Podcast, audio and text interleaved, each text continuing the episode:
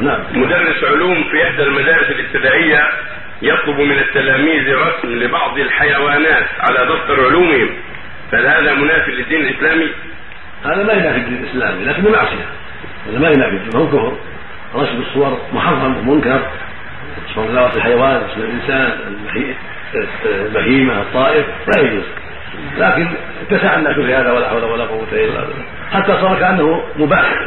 لما توسع الناس صارت الصور كانها مباح الان ما صار لها يعني قيمة عند الناس لانهم اعتادوا هذا وكثر بينهم هذا في المجتمعات وغيرها فصار كانه شيء مباح. النبي عليه السلام قال عليه الصلاة والسلام. لا النبي صلى الله عليه وسلم لعن الربا وموكله ولعن المصور. وقال أشد الناس على الرجل وكان المصورون. لكن بعض العلماء تأول هذا على أن المراد الصور المجسمة ذات الظل.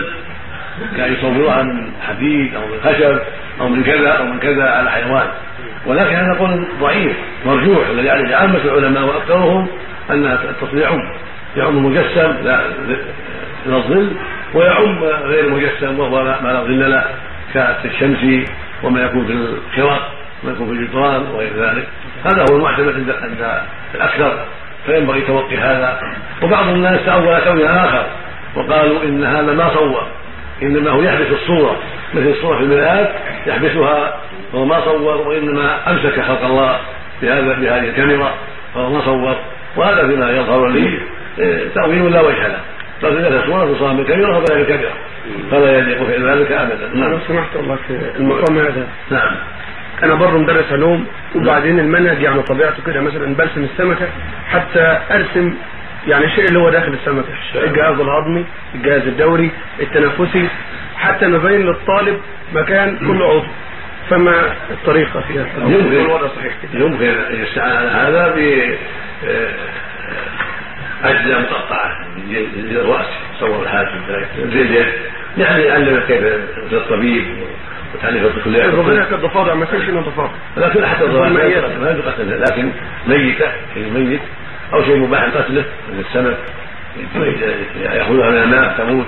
مثل الشاة البعير يذبحه ثم يعلم على أجزائه.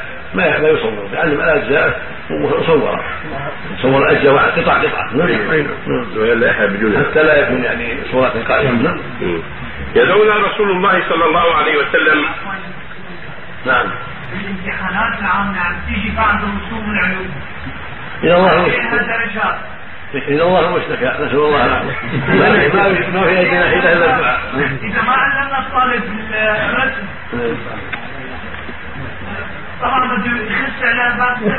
ينبغي التعاون حتى يزال عن الشيء. وحتى يكون غير غير مستمر في الامتحان نحن قد بذلنا في بعض الجهود ولكن ما تيسر الكتاب نعم. فالمدرسون والإخوان يتعاونوا مع وزير المعارف مع المدير. في بلادهم يكون الله في الخير. لعلهم يطلعون هذه المادة. أو يكون يكون حيله أخرى في تعلمهم بدون الصور